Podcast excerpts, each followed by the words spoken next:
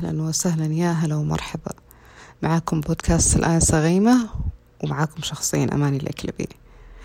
اليوم الحلقة راح أعنونها ب أنا مين طيب خليني أقول لكم عن هذا الموضوع اللي جدا جدا ألهمني واستوقفني قول كل مواضيع كنت تلهمك لا لا فعلا هذا الموضوع أه وقفني كذا لحظة مع نفسي. إيه أنا مين قرأت في كتاب أن إحنا دائما لما أحد يسألنا أنت مين يقول الواحد أنا والله فلان الفلاني ويسرد الاسم وتخصصي كذا وأدرس كذا وأشتغل كذا ومثلا إذا هو أبو أنا أبو ولا أم فلان وعندي من الأبناء العدد الفلاني ويسرد الدوارة الاجتماعية اللي هي طبيعية يعني تصير كل إنسان يعني إن كان أب أو إن كان أم أو إن كان ابن أو كانت ابنة أو إن كان موظف.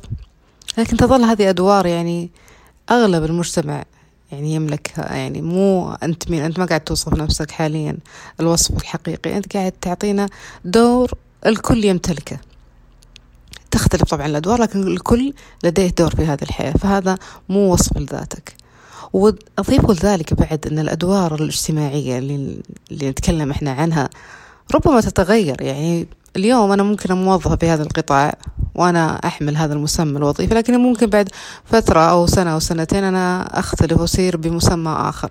فهذا الشيء ما يمثلني ولا يعتبر أنا مين مو مو أنا مين. هنا إجابة على هذا السؤال. يعني المسمى الوظيفي ما يمثل هويتك صح القول. فخلوني أدخل تفاصيل أكثر. أنا مين؟ طيب يعني وش أقول؟ طيب إذا حتسألني أنا مين ما عندي إلا هذا الكلام اللي أقوله. أنا أنا أنا يا محاكيتكم الآن أنا هذا اللي أقوله دائما لما حد يقول أنت مين؟ أقول الله أنا أماني الأكلبي تخصصي علم اجتماعي وخدمة اجتماعية وكاتبة ومدربة وأعطيهم هذا الوصف الإنجازاتي وأنا كلي فخر طبعا. طيب هذا ما يمثل هويتي لأن اليوم أنا أمتلك هذه الموهبة. غدا ربما ما أمتلكها أو أغيرها. ومثل نفس الشيء الوظيفة. وممكن حتى التخصص يمكن أنا دخ... صح تخصصت الآن علم اجتماعي وخدمة اجتماعية لكن مستقبلا ممكن أتخصص تخصص آخر في الماجستير أو الدكتوراه. فحطوا ببالكم أن هذا الشيء ما يصفكم. طب أنا مين؟ المهم نفس الشيء قاعدة أقرأ وأنا قاعدة أقول في نفسي صدق أنا مين أجل؟ إذا هذا الشيء ما يعتبر يعني وصف لشخصيتي. تذكرت والله يا بنات تذكرت على طول جاب بالي كذا على طول المتنبي لما سئل هو مين أو أنت من وش قال؟ تذكرون طبعا قصيدة أكيد لا تخفى على أحد. قال إيش؟ قال أنا الذي نظر الأعمى إلى أدبي وأسمعت كلماتي من به صمموا واسترسل في وصف ذاته. طبعا بكل فخر وكل طبعا يعتبرونه عجرفة وكل كبرياء بس معروف عن المتنبي أنه شخصية جدا واثقة من نفسها ويحق له صراحة. يعني صراحة يحق له يعني أنا أعتقد وأتوقع الكل يتفق معي أنه أشعر شعراء العرب.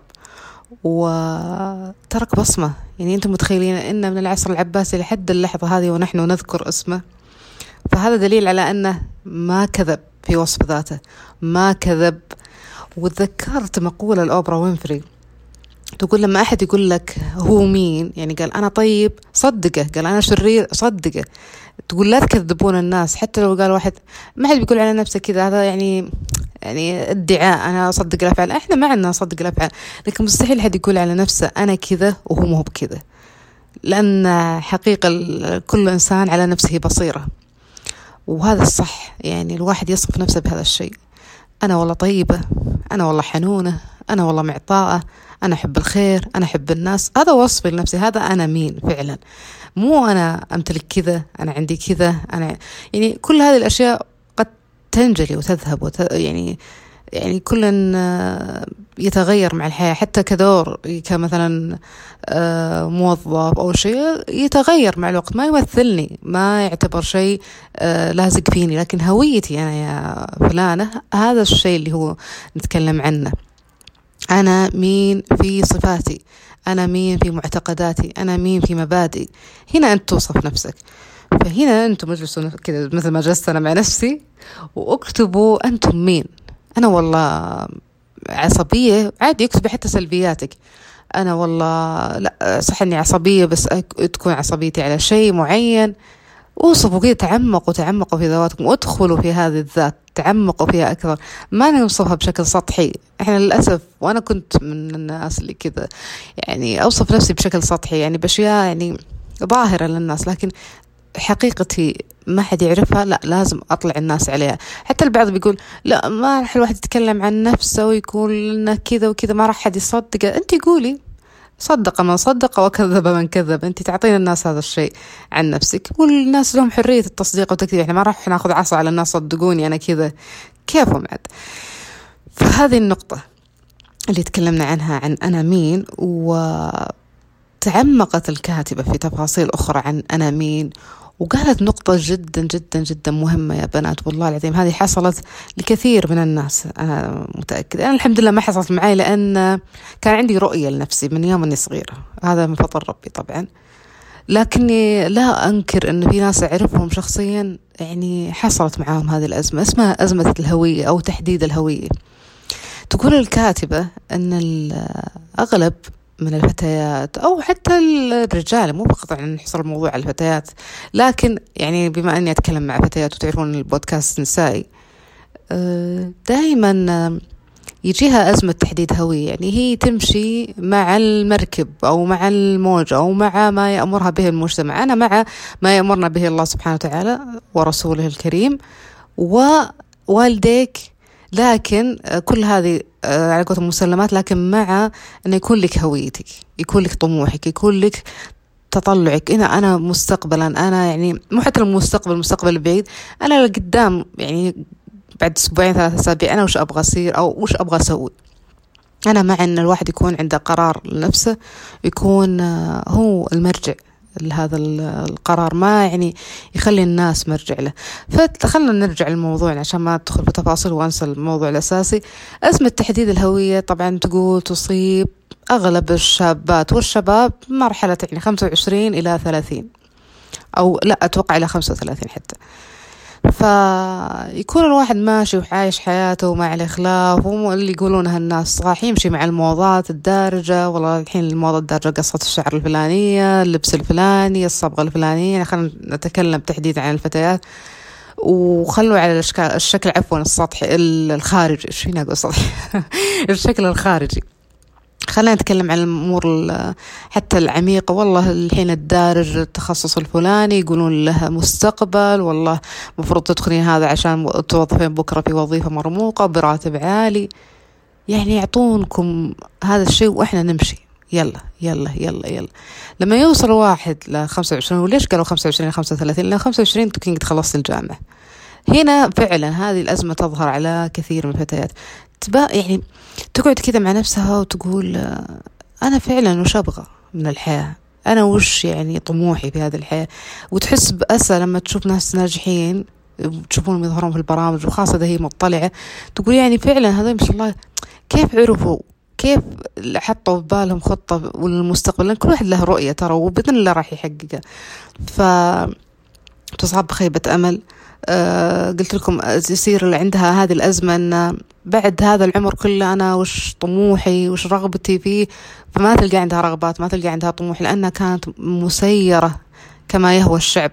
يعني أنا ما أحد لنفسي أي طموح والله لي دارج ولا ساعد حاليا أنا راح أطبقه ولا علي ويلا ما عليه. نمشي لين يعني نشوف.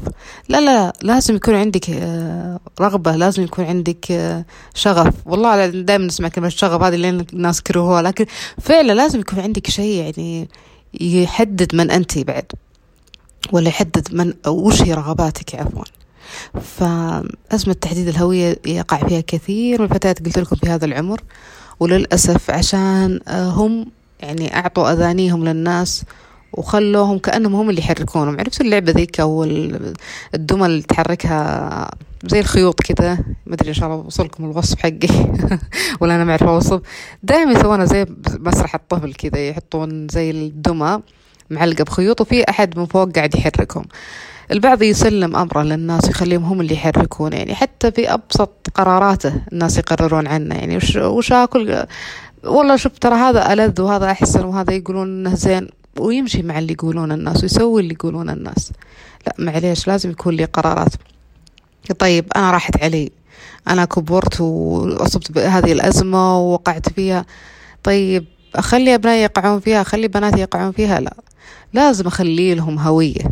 لازم أخلي لهم شيء يعني يستندون عليه. يعني طيب طفل وش درى؟ أكتشف وش يحب. يحب الرسم أساعده ينمي هذه الموهبة أساعده يشوف إذا هي موهبة. يعني وده يعني يخليها بكرة مهنة له. ليش لا؟ ف طبعا هذا شيء بسيط يعني في أشياء كثيرة وأفضل وأجمل من الرسم.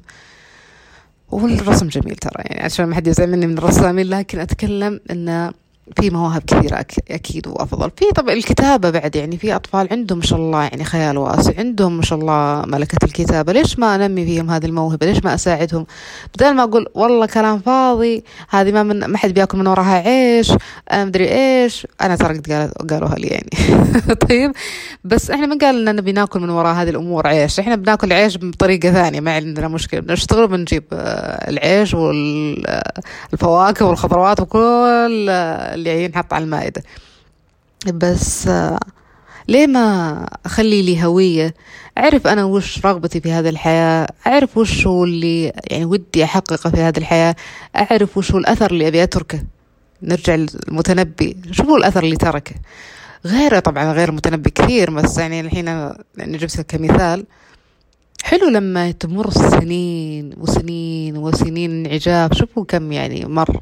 قرن كم مرت سنة وأنت ذكرك وأنت ذكرك ما زال يذكر ما زال يردد يعني ما في أحلى من كذا والله ما في أحلى من كذا.